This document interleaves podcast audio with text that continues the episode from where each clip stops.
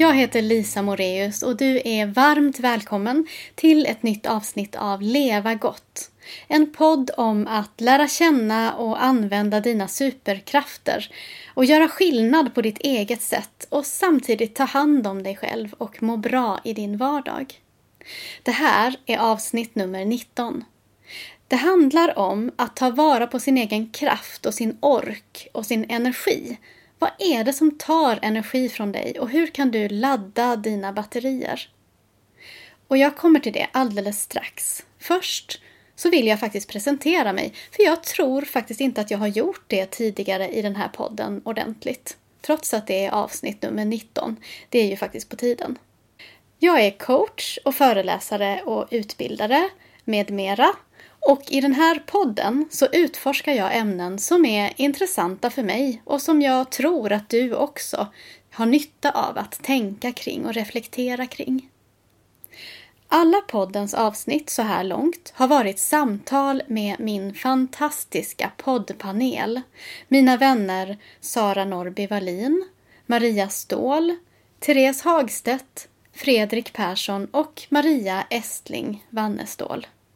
De dyker upp i podden en och en och ibland två på en gång och jag pratar med dem om olika saker.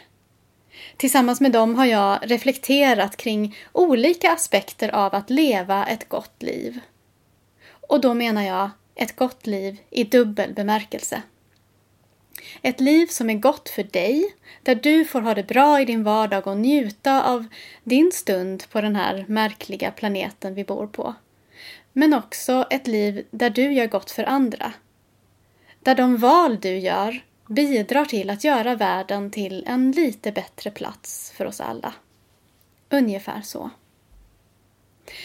Och i det här avsnittet så sitter jag själv vid mikrofonen. Jag kommer att göra det allt oftare i den här podden framöver. Jag har nämligen en hel del som jag vill prata med bara dig om. Jag vill prata med dig om att balansera bland samhällets normer om prestation och effektivitet och stresstålighet och samtidigt hitta ett lugn och en tillfredsställelse i vem du är och vad du åstadkommer. Jag vill prata om att hålla riktningen, att vara på väg åt rätt håll, att styra ditt eget liv, men också om att sluta styra så himla mycket emellanåt kanske. Jag är lika intresserad av konkret, praktisk planering, bullet journal och Trello och allt vad det är, att göra listor och projekt, som av högtflygande drömmar och visioner. Ibland så vill jag ta rodret i mitt liv och ibland vill jag göra motsatsen. Släppa taget, lägga mig på rygg i gräset, titta på trädkronorna ovanför mig och bara låta jorden snurra vidare med mig i sin bana. Jag vill förändra världen. Eller snarare, jag vet att jag förändrar och påverkar världen med varje steg jag tar, oavsett om jag vill det eller ej. Och jag vill gärna göra det så medvetet jag kan. Mänskliga rättigheter och ideellt engagemang vill jag också prata om, för det är frågor som ligger mig varmt om hjärtat. Det är också ett område som jag skriver och utbildar och föreläser inom. Jag har till exempel skrivit en bok som heter Brinna, att göra skillnad som ledare i en ideell organisation och jag utbildar ganska mycket utifrån den boken. Personlig utveckling, kanske också andlig utveckling, är också väldigt viktiga områden för mig och därmed också i den här podden. Även om jag har ett ganska komplicerat förhållande till begreppet andlighet vilket jag lär återkomma till i minst ett annat avsnitt av den här podden. Alright. Jag hoppas att du vill följa med på den här resan. Till, exempel genom att prenumerera på podden. Det blir en hel del, ganska många tror jag, fler avsnitt med bara min röst. Bara du och jag. Men jag lovar att samtal med Fredrik, Maria, Sara, Therese och den andra Maria också dyker upp här när du minst anar det. I poddens förra avsnitt, som är avsnitt nummer 18, då pratar jag med Sara Norby Wallin. Vi pratar om många olika saker, bland annat om att ge mycket av sig själv till några få eller lite av sig själv till många. Det är Sara som jämför hur det är att jobba som handledare för en liten grupp chefer och att stå på scen och moderera en stor konferens. Men det som framförallt har stannat kvar hos mig sedan jag publicerade avsnittet med Sara, det är våra samtal kring energi. Vad är det som tar energi från dig? Och vad fyller på energi? Och är det samma energidepå vi pratar om eller finns det flera? Går det att tänka att du har olika typer av energi eller ork eller kraft?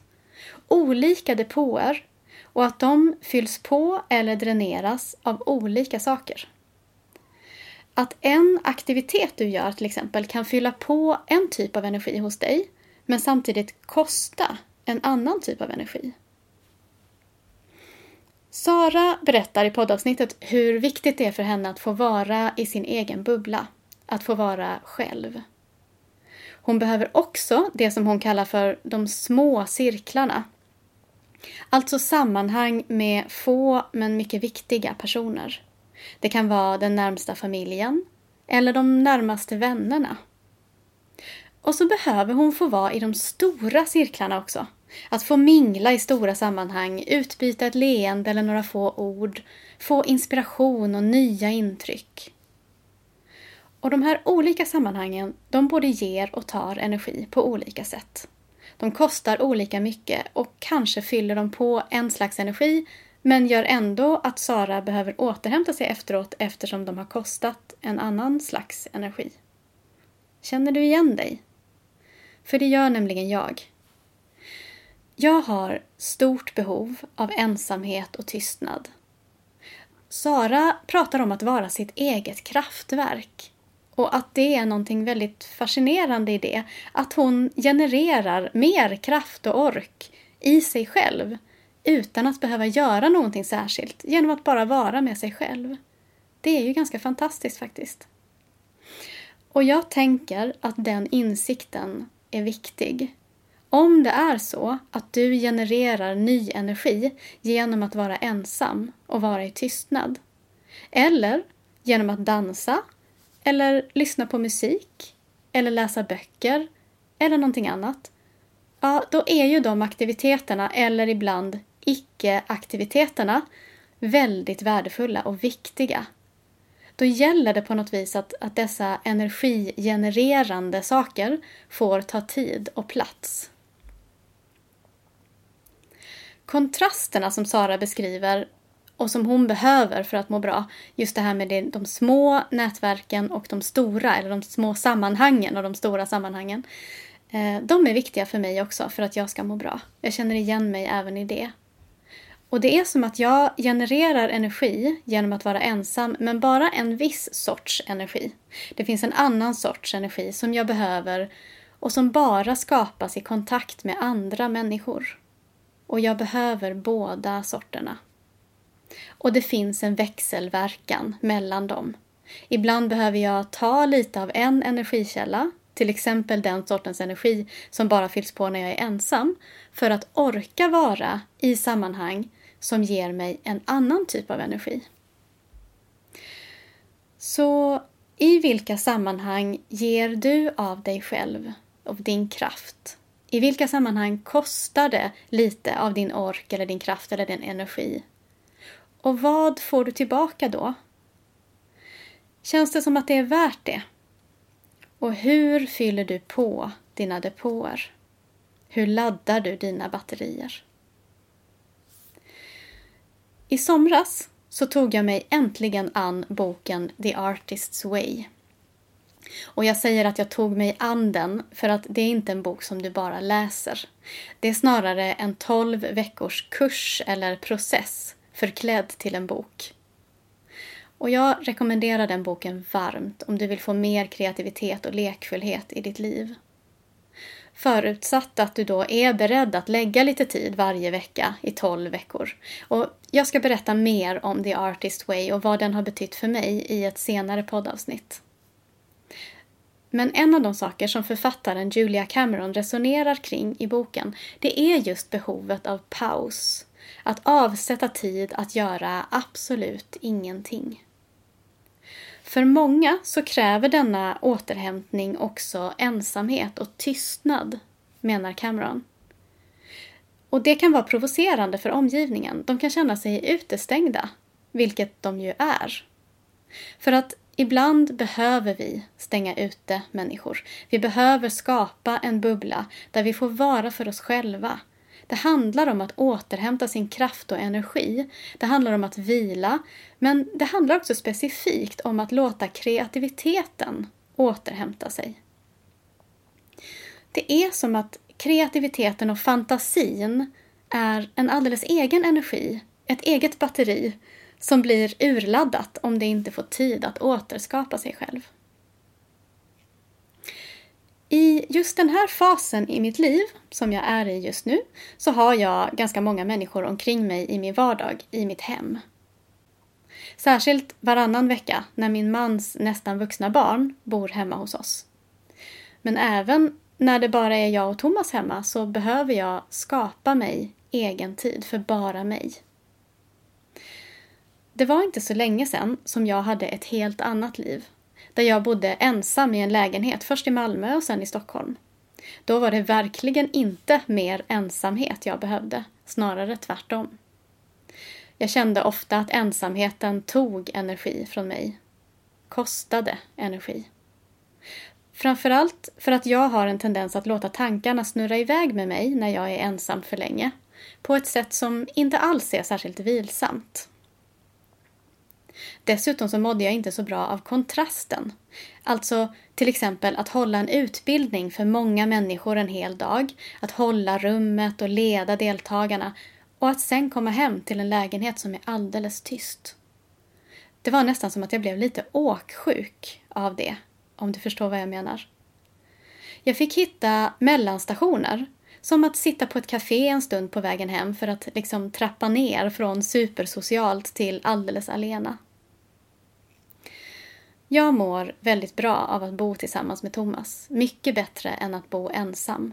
Så fungerar jag, tydligen. Men det bygger på att jag får ensamheten också. Ibland känner jag som att min inre kompass får tid att kalibrera sig när ingen annan är i närheten. Eller så här, när andra människor finns i närheten, oavsett vilka de är, så är det som att en liten del av mig hela tiden håller ett öga på omgivningen. En del av min uppmärksamhet är riktad utåt. Den håller reda på vad alla andra gör och till viss del också hur de mår. Den delen av mig kan bara ta semester när mitt enda sällskap är jag själv. Och jag kommer att tänka på en vän till mig som berättade att hästar inte kan slappna av om de är ensamma för då måste de hela tiden hålla utkik efter faror. Det är därför som hästar behöver få vara i flock, även om flocken är liten. För då kan de turas om att hålla koll på omgivningen. Jag kan alltså ingenting om hästar, men det här låter ju väldigt logiskt, eller hur? Och då är det alltså så att jag fungerar lite tvärtom. I alla fall ibland. Det vill säga att det finns en del av mig som bara slappnar av när det inte finns några andra människor omkring mig som jag behöver hålla koll på. Ibland tänker jag att jag har en inre border collie eller någon annan typ av vallhund, om du förstår vad jag menar. Alltså, allt det här kan ju låta självklart. Det är klart att jag behöver vila. Och det är klart att jag behöver en kombination av ensamhet och olika typer av stora och små sociala sammanhang.